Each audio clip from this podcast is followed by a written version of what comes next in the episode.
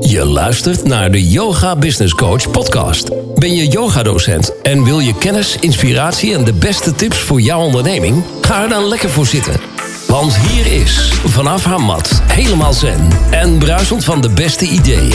Met interviews, Q&A's en talks. De enige echte Corine van Zoelen. Hey, superleuk dat jij weer luistert naar de Yoga Business Coach podcast. Vandaag alweer aflevering 80. En dit keer interview ik Michiel Beursen. En Michiel ken ik eigenlijk al sinds 2015.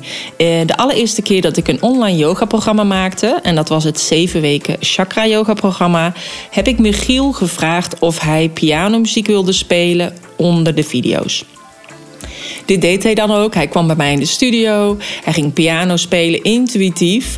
Uh, wat bij de chakras hoorde en bij mijn yogales. En die uh, pianomuziek is dus onder uh, de video's geplaatst. Nou, uh, super tof. En sindsdien ja, zijn we elkaar eigenlijk gewoon blijven volgen. En Michiel heeft zich naast muzikus zichzelf ontwikkeld op het gebied van heling, reading en persoonlijke groei. En hij vertelt over het ondernemerschap, hoe hij dat ziet. En um, want ja, hij vindt het leuk om te doen. En ook dat is natuurlijk hetzelfde als bij yogadocenten. Je vindt het leuk om te doen en is het lastig om er geld voor te vragen. En als je dus geld vraagt, vinden andere mensen dat vreemd. Hij vertelt ook over een muziekscriptie die 15.000 jaar geleden in steen is gegraveerd. En dit is helemaal ontcijferd door een muzikoloog, door uh, Maret von Hof. En waardoor hij dat wat zij heeft dus helemaal ontcijferd heeft, speelt op zijn piano met de Pythagoras-stemming van 432 hertz. En dat is natuurlijk super interessant, want dit wordt helemaal nog niet gedaan. Ik ben dan ook super trots dat ik Michiel heb mogen interviewen. Hij heeft, naast dat hij heel veel CD's heeft gemaakt en dat hij heeft samengewerkt met grote namen, eh, zoals ook onder de Edwin Rutte, waar we het over hebben. Ome Willem, wie kent hem niet? Maar ook Ernst Daniel Smit, Mathilde Santing en uh, nou ja, noem maar, maar op. En hij heeft ook een super toffe CD waarin de, die heet de 13 Phases of the Moon ja, dan moet ik eigenlijk zeggen natuurlijk de 13 Phases of the Moon. En um, waarin hij een jaar lang tijdens elke volle maan zich helemaal liet verrassen door wat er mocht ontstaan achter de piano. Nou, al deze pianomuziek, die hoort dus bij de volle maan, uh, staat op een CD en deze kan je winnen. Dus deel deze podcast en tag Michiel Beursen of tag Corine van Zoelen in je stories op Instagram of deel het gewoon op je social media post. En je maakt kans op een digitale, digitale CD met MP3-bestanden van deze 13 maanden. Dus superleuk als je dat wilt doen. Meer over Michiel en over die Pythagoras-stemmingen kun je vinden op www.deyogabusinesscoach.nl slash 80. Ik wens je heel veel luisterplezier. Vandaag heb ik een online afspraak met uh, Michiel. Welkom. Dankjewel. Ja, nou uh, Michiel, ik weet niet voor de mensen die jou niet kennen, misschien wil je even kort voorstellen? Ja hoor, ik, uh, nou, ik ben Michiel Buursen en ik ben uh, muzikus. En um, ja, ik speel piano en ik componeer.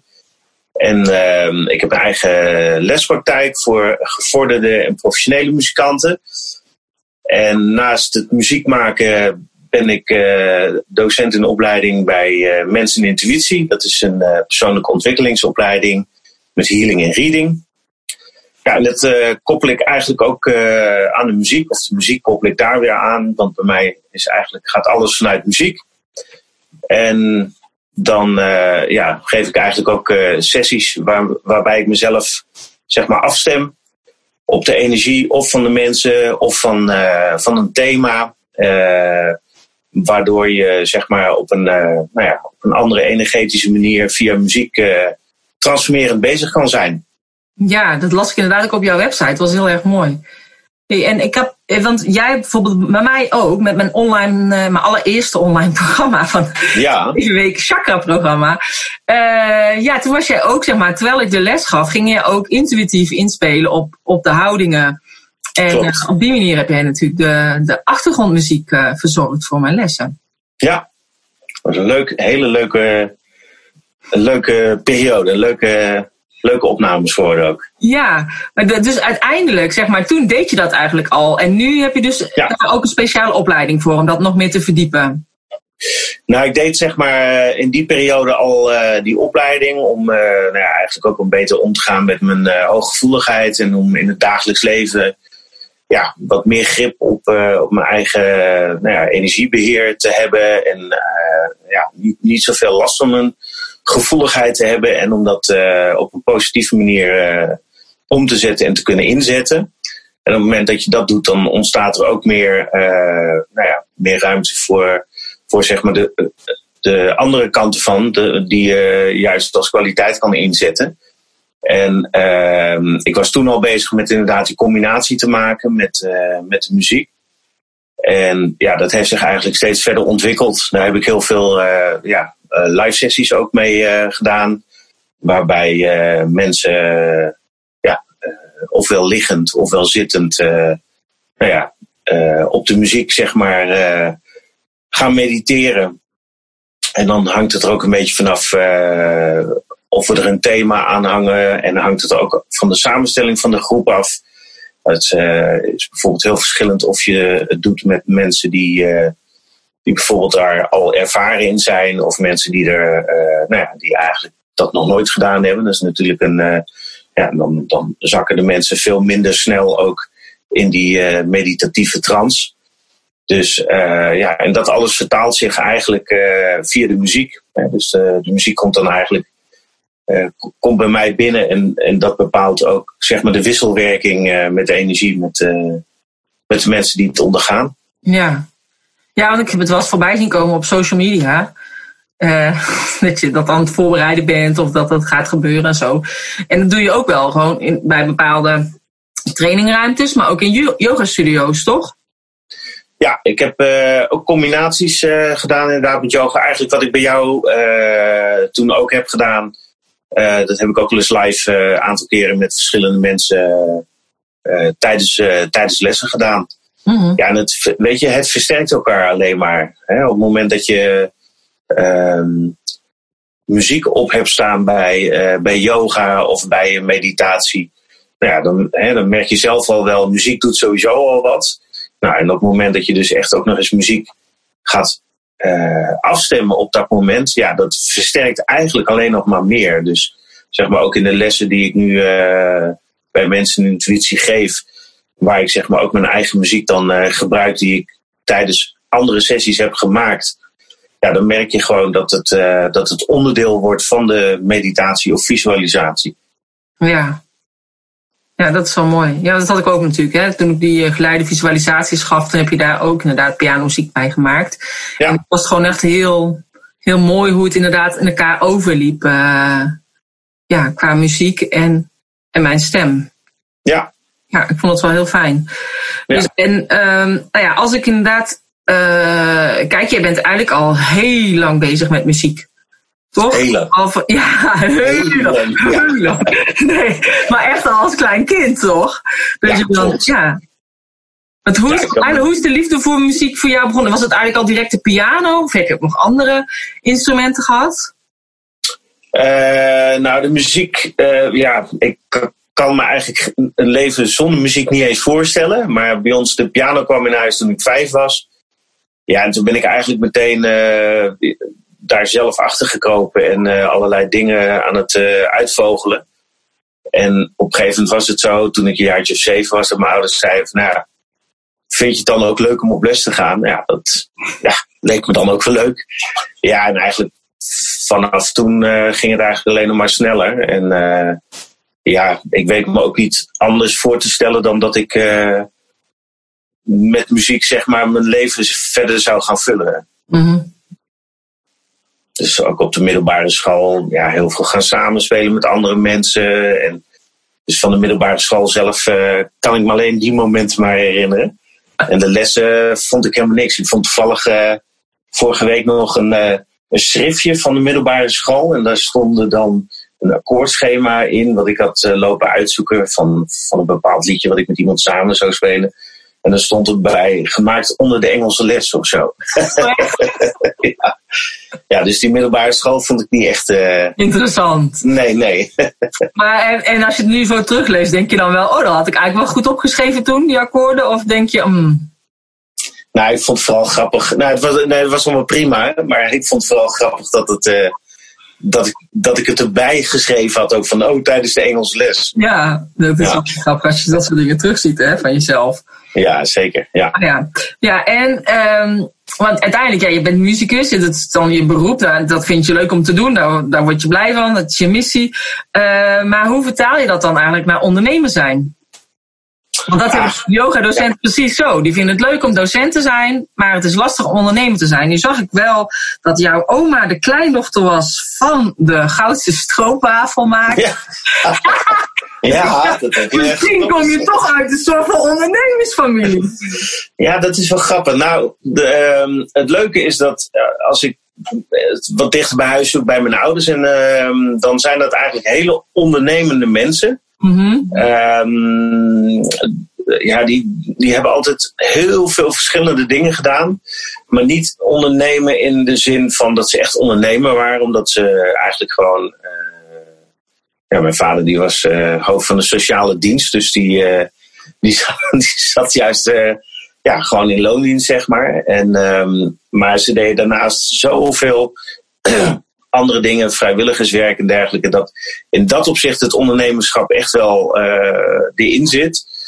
En ja, bij mij is het zo gegaan dat ik heb het consultorium gedaan. En uh, ja, na het consultorium ja, ga je aan de bak. Of tijdens het consultorium ga je eigenlijk aan de bak. Dat je, dat je gaat netwerken en dat je ja, dat je, dat je gewoon zorgt dat je werk hebt. En um, ik ben eigenlijk ook al wel sinds 7 of 98 uh, heb ik me ingeschreven bij de Kamer van Koophandel. Dus ja, eigenlijk weet ik niet beter dan dat ik zelfstandige ben. Mm. Ik moest toen op een gegeven moment de keuze maken van joh, ga ik dit nu uh, laten verlonen wat ik nu ga doen, of ga ik dit als zelfstandige doen? Ja. En, uh, ja, toen heb ik besloten om het, uh, om het als zelfstandig te gaan doen. En om uh, op die manier ja, zelf ook de opdrachtjes uh, binnen te halen, zeg maar. Mm-hmm. Ja, en als je dan een netwerk hebt, dan is het eigenlijk wel zo dat je, ja, dat je van het een naar het ander rolt. Zeker in die tijd. Ja.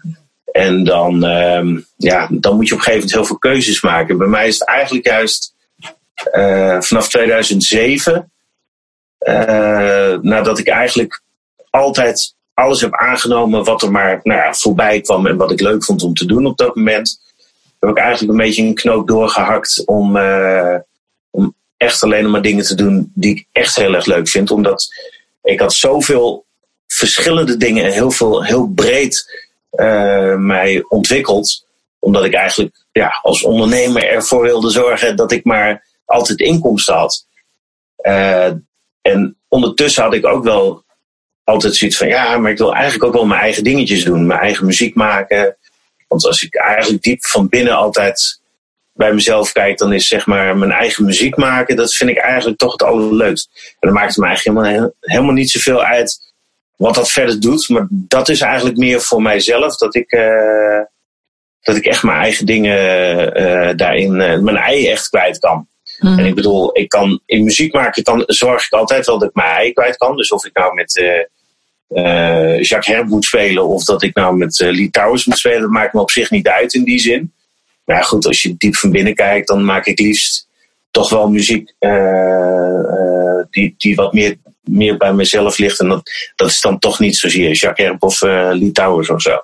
Ja, en met je Ome Willem heb je ook gespeeld, zag ik, hè? Ome Willem, ja. Ome Willem is een, is een hele bijzondere man, want hij is ook psycholoog. -huh. En uh, daar heb ik hele bijzondere workshops ook uh, mee gedaan. Die, uh, die zeg maar eigenlijk heel erg over bewustwording ook gingen. Oh, Vooral, hij gaat workshop...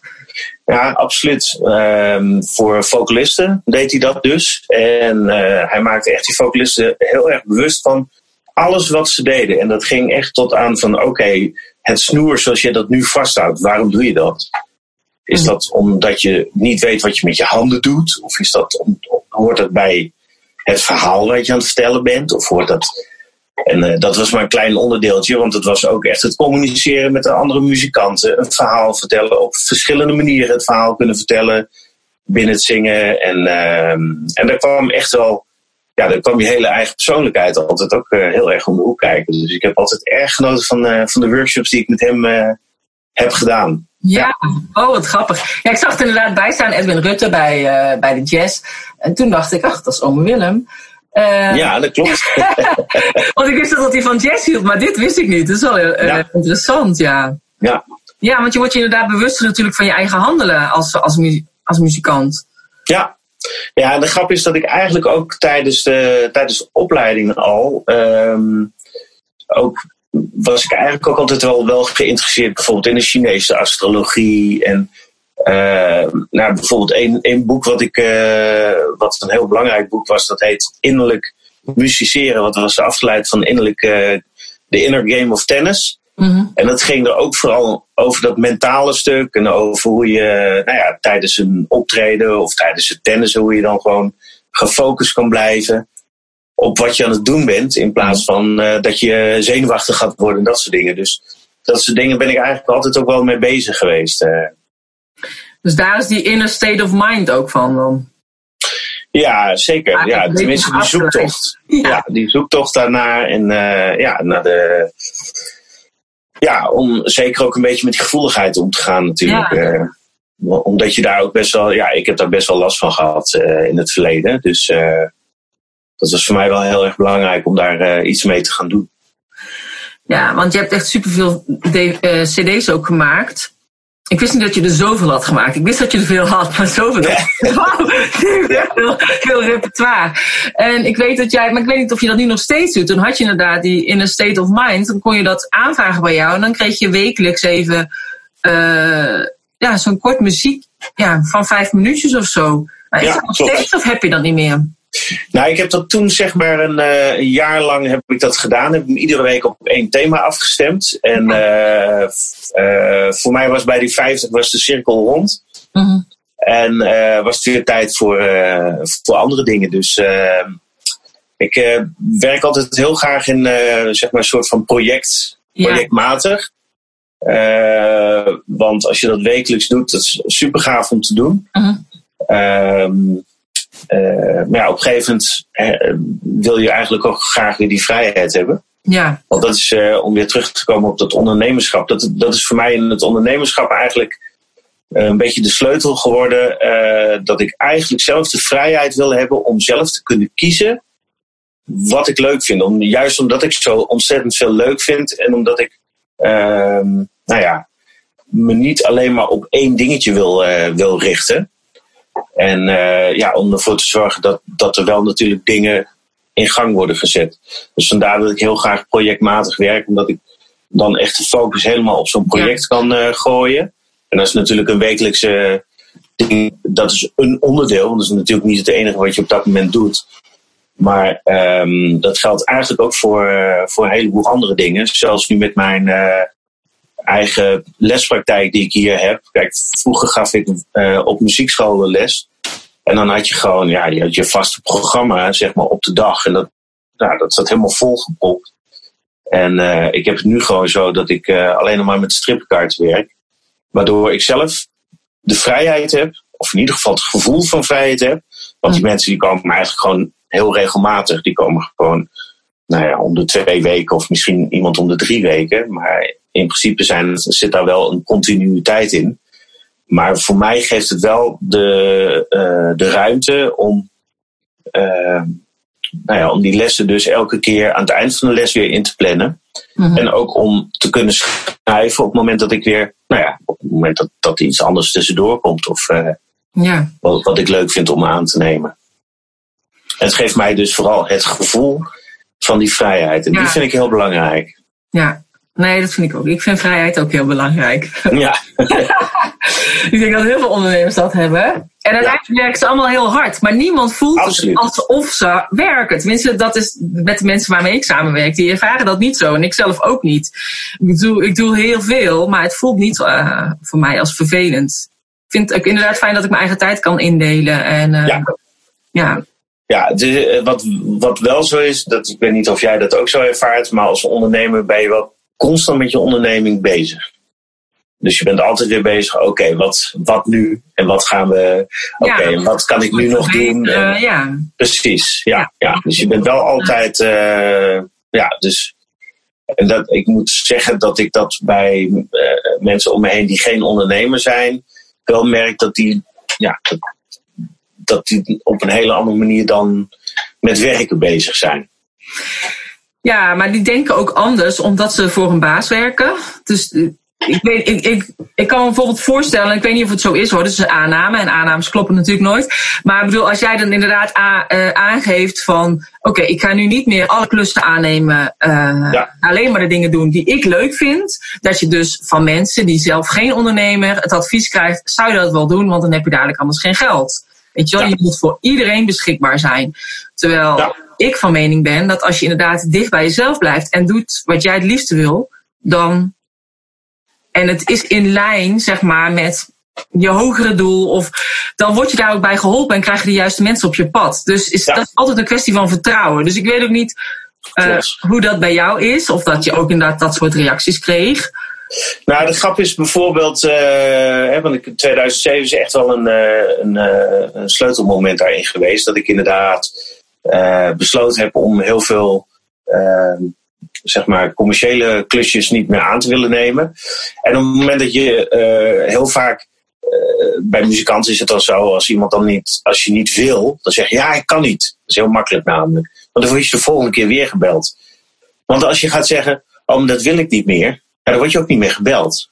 En sterker nog, het is me letterlijk inderdaad op een gegeven moment overkomen dat ik zei van, oh, maar dit doe ik niet meer. Dat, dat die persoon aan de andere kant, ja, maar dit is toch is goed betaald hoor. Ik zei, ja, dat weet ik. Ja, maar, ja, maar dat kun je toch niet doen? Want dan, ja, dan bel ik de volgende keer ook iemand anders, weet je wel. Ik zei, ja, dat moet je ook echt doen. oh, ja, ja. Dat, nou, dat werd als heel raar ervaren, inderdaad. Ja.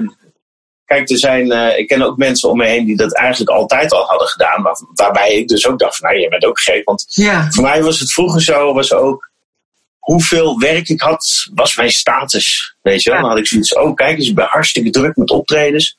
Dus uh, nou, dan voelde ik mezelf hartstikke goed. Ik had nergens anders tijd voor. Ja. Maar dan voelde ik me, voelde ik me hartstikke goed, weet je wel. En uh, ja, daar gaat het gewoon niet om. En uh, het gaat erom dat je inderdaad dingen doet die, die jezelf, waar je, waar je energie van krijgt. En Ja. waar je, um, ja, dat, wat je zelf al zegt, dat geeft ook het vertrouwen. Want ja, op het moment dat je het horen krijgt van uh, ja, maar dan bel ik je de volgende keer niet meer en dan uh, ja, dat kost je geld. Ja, dat kost me geld. Maar aan de andere kant geeft het weer tijd en ruimte om uh, de dingen, ja, om, om anders je tijd in te delen en om dus inderdaad, wat jij al zegt, wel de dingen op je pad te laten komen ja. die er anders niet komen. Hè? Want op het moment dat je dat je dingen doet omdat je ze maar moet doen om geld te verdienen, ja, dan ben je dus niet bezig met de dingen die je leuk vindt. En ja, weet je, het, het, het gaat altijd toch in golfbewegingen, weet je wel. Met uh, nou, dat je misschien veel klussen hebt of minder klussen hebt. En dat is heel erg afhankelijk van, van zoveel factoren. Ja. Dan is het altijd belangrijk om, om, uh, om dat vertrouwen in jezelf te hebben en te houden. En altijd uh, naar opties te kijken. Weet je wel? Er zijn, er zijn altijd, je hebt altijd keuzes. Ja, en er is altijd van alles mogelijk. Er is altijd van alles mogelijk. En als ik nou gewoon naar onze eigen tak van sport kijk binnen de muziek, uh, daar werkt het ook weer zo dat uh, uh, het heel erg opportunistisch kan zijn. Dus op het moment dat jij weer geconnect bent met, met mensen die je misschien weet ik hoe lang niet hebt gezien, kan het in één keer maar weer zo zijn dat, ze, nou, dat je binnen een week weer door die persoon wordt gebeld. Mm. Omdat je weer on top of mind bent. Ja. He, dus uh, op het moment dat je, uh, ja, dat je ergens energie insteekt, dus ook met je kop te laten zien, of ja, het zij dat je dat online doet, of het zij dat je ergens uh, naar plekken gaat waar muzikanten zijn. Um, dus op het moment dat je weer connect met, met andere mensen, ja, dan. Oh, netwerken ook. Dan, ja, precies. Hè? Dus dan, dan laat je je kop weer zien en dan ja, geef je eigenlijk ook aan van. En dan heb je, je hebt altijd zelf die keuze. Hè? En je, je hebt het ook zelf in de hand. Ja. Met wat je, wat je... Ja, want jij zet online natuurlijk ook ja, wel heel veel in. Ik denk dat andere muzikanten dat niet zo erg inzetten als jij. Tenminste, ja, die volg ik natuurlijk niet. Maar... Ja, dat, er, zijn, er zijn wel meer muzikanten hoor, die, die, die online dingen inzetten en uh, die online zichtbaar zijn. En er zijn, ja, ook, ook in, de, in de muzikantenwereld heb je natuurlijk, je hebt, je hebt daar ook mensen die, al zijn ze zelfstandig of al ben je afhankelijk van klussen, uh, wil het nog niet zeggen dat je per se ondernemer bent. En op het moment dat je ondernemer bent, ja, dan onderneem je. Dus dan ben je ook bezig om te kijken naar mogelijkheden, hoe je dingen, ja. Uh, wat je kan doen. En kijk, bij mij is dat wel heel erg verschoven. Dat ik vroeger heel veel speelde en uh, heel veel les gaf aan iedereen ook. Hè? Dus ook iedereen die maar pianoles wilde, die, die kreeg je binnen. Nou, kan je vertellen, als je energielekken zoekt, dan werkt dat dus ook heel sterk. Uh, als je iedereen maar binnen hebt. En uh, daarom ben ik ook heel erg blij dat ik nu mijn. Uh, en dat, dat heeft zeker met mijn online positionering ook te maken. Dat ik me vanaf 2007 al anders ben gaan neerzetten van. Wil je beter leren piano spelen? Dus met andere woorden, oké, ik kan nog geen piano spelen. Oh, dan moet ik niet bij hem zijn. Uh, wil je van akkoorden leren spelen? Wil je vrije leren spelen? heb je altijd klassiek gespeeld, maar wil je alles? Nou, weet je, allemaal van dat soort dingen. En dat, zeker in 2007 gebeurde dat helemaal nog niet. En um, de grap was dat dus toen ook mensen vanuit Groningen en vanuit Den Haag gingen bellen. Dat ik echt zei van ja, ik vind het hartstikke leuk als je wil komen. Maar volgens mij kan je in Den Haag ook wel iemand vinden die dat doet, weet je wel. Want ja, om helemaal zoveel reistijd, dat doe je misschien één of twee keer. Maar dat, ja, dat hou je niet lang vol. Nee. Maar om maar aan te geven dat, uh, dat door je te positioneren en door, uh, maar door dus ook heel erg aan te geven wat, jou, uh, wat jouw specialisme is, mm-hmm. trek je ook precies die mensen aan. Ja. En vandaar dat ik nu ja, ook heel makkelijk kan zeggen: van, Nou, weet je wat, die wekelijkse lessen, dan neem ik geen nieuwe mensen meer aan, ik doe alleen maar strippenkaarten. Ja. Want dat doen niet zoveel mensen. En daarin hoor ik ook heel vaak inderdaad bij, uh, uh, bij collega's van, uh, dat, dat meer de angst regeert dan zeg maar het, het vertrouwen inderdaad. Want ja, ook daarin zijn de muziekscholen en dergelijke, die zijn eigenlijk allemaal verdwenen. Zeker de gesubsidieerde muziekscholen. En ja, ik zag dat tien jaar geleden al een beetje aankomen waar het naartoe zou gaan. Ik denk, dat wil ik gewoon voor zijn. En ik wil gewoon eigenlijk ook gewoon veel meer zelf invloed uitoefenen op de kwaliteit die ik wil leveren. Want ja. het werd steeds moeilijker. Je kreeg steeds minder tijd om met cursisten door te brengen. Ik denk, ja, dan is het eh, binnenkomen, die jas ophangen weer. Uh... Dat is juist leuk dat je ook wel een beetje de connectie hebt natuurlijk met die anderen. Ja, ja, en dat de mensen ook daadwerkelijk komen op de inhoud en hoe jij het brengt. Weet je wel? Je moet een klik hebben. Als je geen klik hebt. Nee, want anders schiet het ook niet op. Als je je ook niet prettig voelt bij die nee. ander, dan werkt het ook niet. Nee. en ik vind het ook wel mooi inderdaad van jou te horen dat die positionering heel belangrijk is. En dat je dus inderdaad heel erg jouw eigen specialisme neerzet met wat, wat jij graag wil en wat voor klanten jij graag aan wil trekken. Want dat is natuurlijk ook wat ik de yogadocenten leer. Van weet je wel, je, kunt, je hebt heel veel dingen, maar je hebt zoveel ervaringen. Hè, Op werkgebied, op uh, uh, privégebied, op opleidingen ja, kijk gewoon wat past bij jou, waar word jij vrolijk van. Je hoeft niet iedereen te helpen met de yoga. Maar nee, sterker nog, dat wil je ook helemaal niet. Nee, maar dat vinden ze wel heel erg lastig. En dat is ook heel lastig. Um, maar ja, wat jij zegt, dan komen ze dus wel van heinde en verre dat ze eigenlijk interesse hebben. En dat, dat had ik ook. En ook met mijn online is dat natuurlijk helemaal. Dan bereik je echt mensen ook overal. Ja. Ja, dus het is gewoon soms inderdaad een beetje over die angst heen. En inderdaad, uh, kiezen geeft kiespijn, zei Jos Burgers altijd. Nee. Uh, ja. ja, weet je, en het is heel eng om te kiezen. Maar als je kiest, dan word je wel gekozen. Ja, en kiezen houdt niet per se in dat je uh, anderen uitsluit. Hè? Want ik bedoel. Nee, precies, ook dat niet. Het kan altijd zijn dat iemand zegt: Ja, ik weet dat je eigenlijk alleen dat doet, maar ja, kom maar langs. En dan kan ik ook altijd nog nee zeggen. Ja, want, uh, bij mij zeg ik ook van, ja, ik ben geen yogadocent, ik ben kindercoach, maar kan ik dan ook meedoen met je online training of uh, inderdaad een voedingsdeskundige of een masseur? Ja, dat kan ook, weet je wel. Alles wat ik vertel is in principe overal op toepasbaar, hoeft niet per se alleen voor yogadocenten. Nee, het is alleen dat ik me inderdaad richt op de yogadocenten. En dat is ook wat ik van Jos Burgers heb geleerd. Dat zet je in je etalage. Dat is waar mensen jou aan herinneren. Maar in je winkel staat wat je allemaal nog meer doet. En dat is dat je ook nog anderen begeleidt. Dus uh, dat je niet per se yogadocent hoeft te zijn. Dus dat, dat vind ik inderdaad ook wel mooi. Ja. Dus het is inderdaad niet dat je een ander uitsluit. Dus uh, ja, het is goed dat je dat nog even hebt verteld als aanvulling. Ja. Dus, en uh, is er nog iets waarvan jij denkt, oh, dat zou ik ook echt nog heel graag willen vertellen? Dat ben je vergeten te vragen.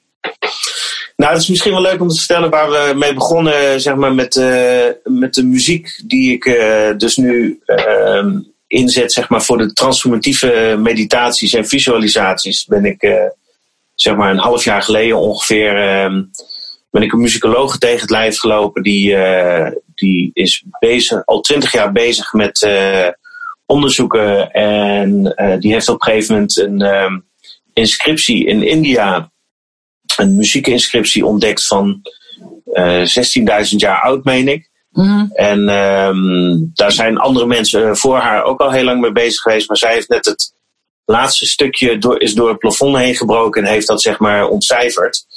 En uh, ja, dat heeft eigenlijk allemaal te maken met heilige geometrieën. Maar dan ook de heilige geometrieën qua geluid.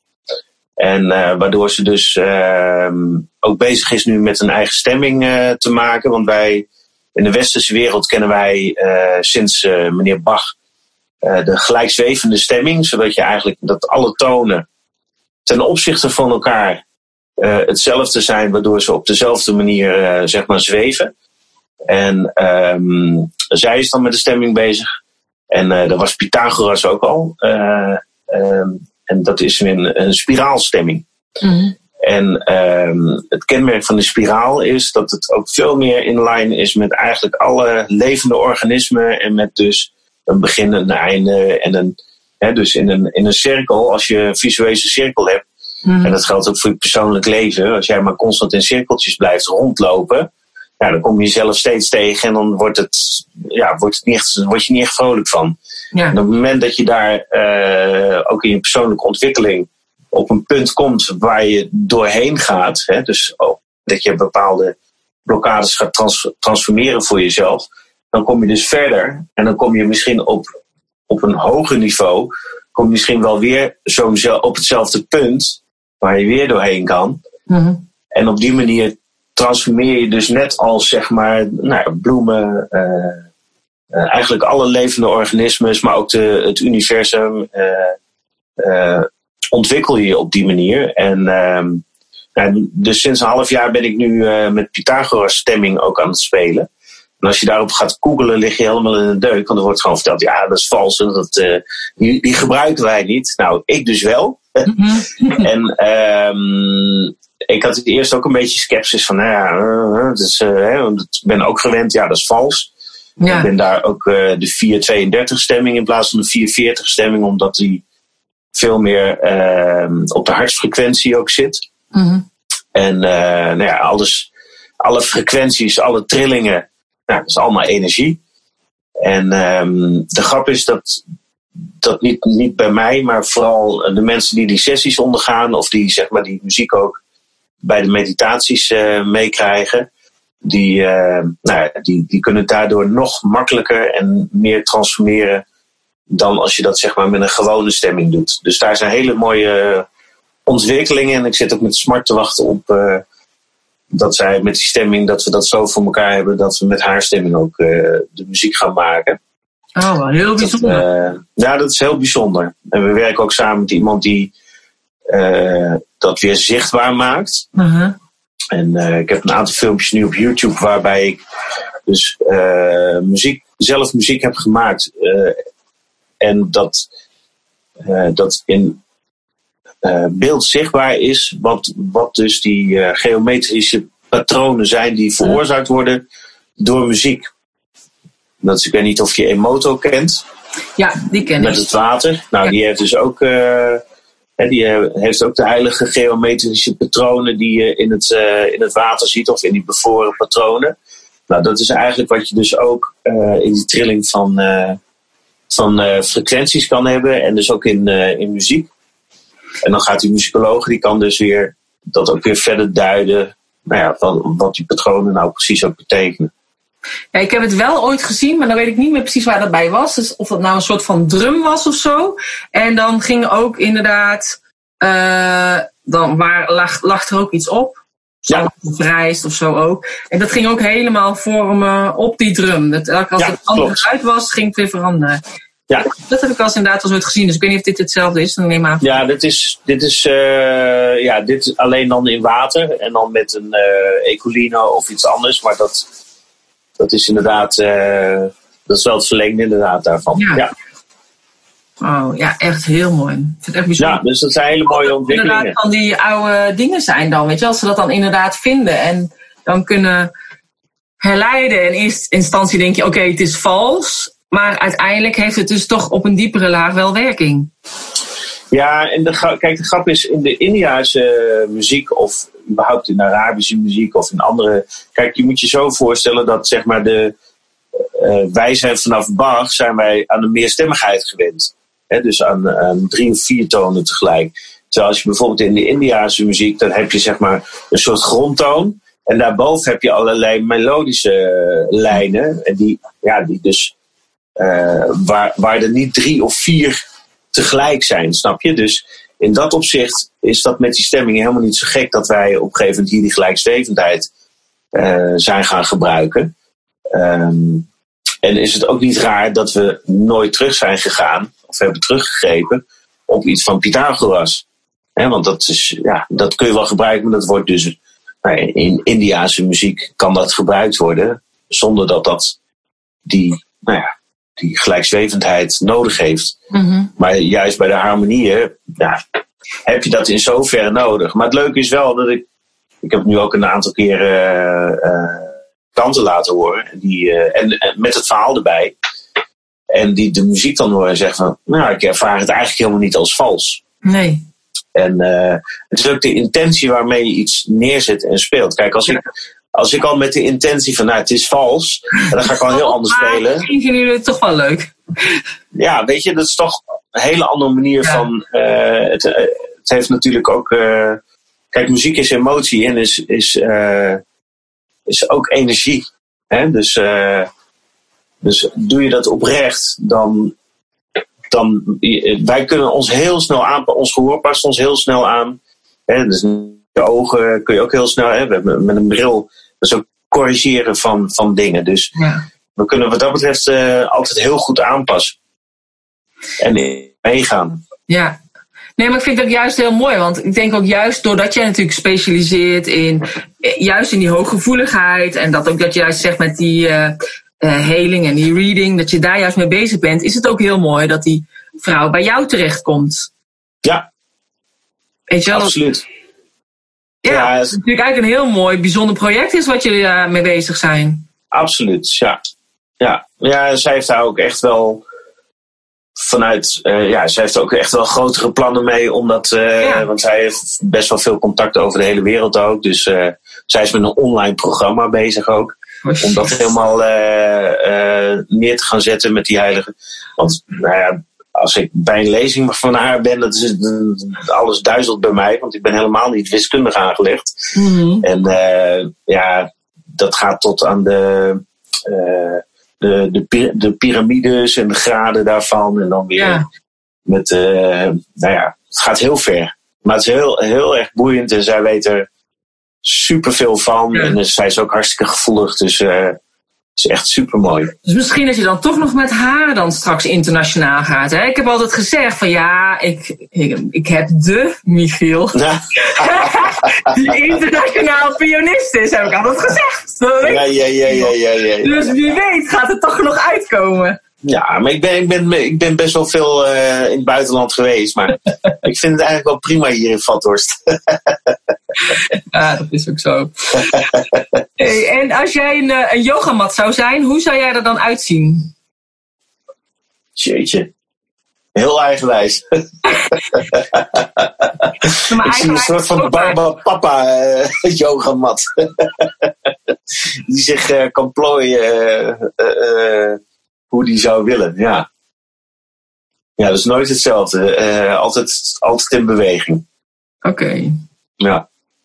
Het is geen statische yogamat. nee, het is een hele bijzondere mat dan. Ja, ik weet niet of je er ook yoga op kan doen.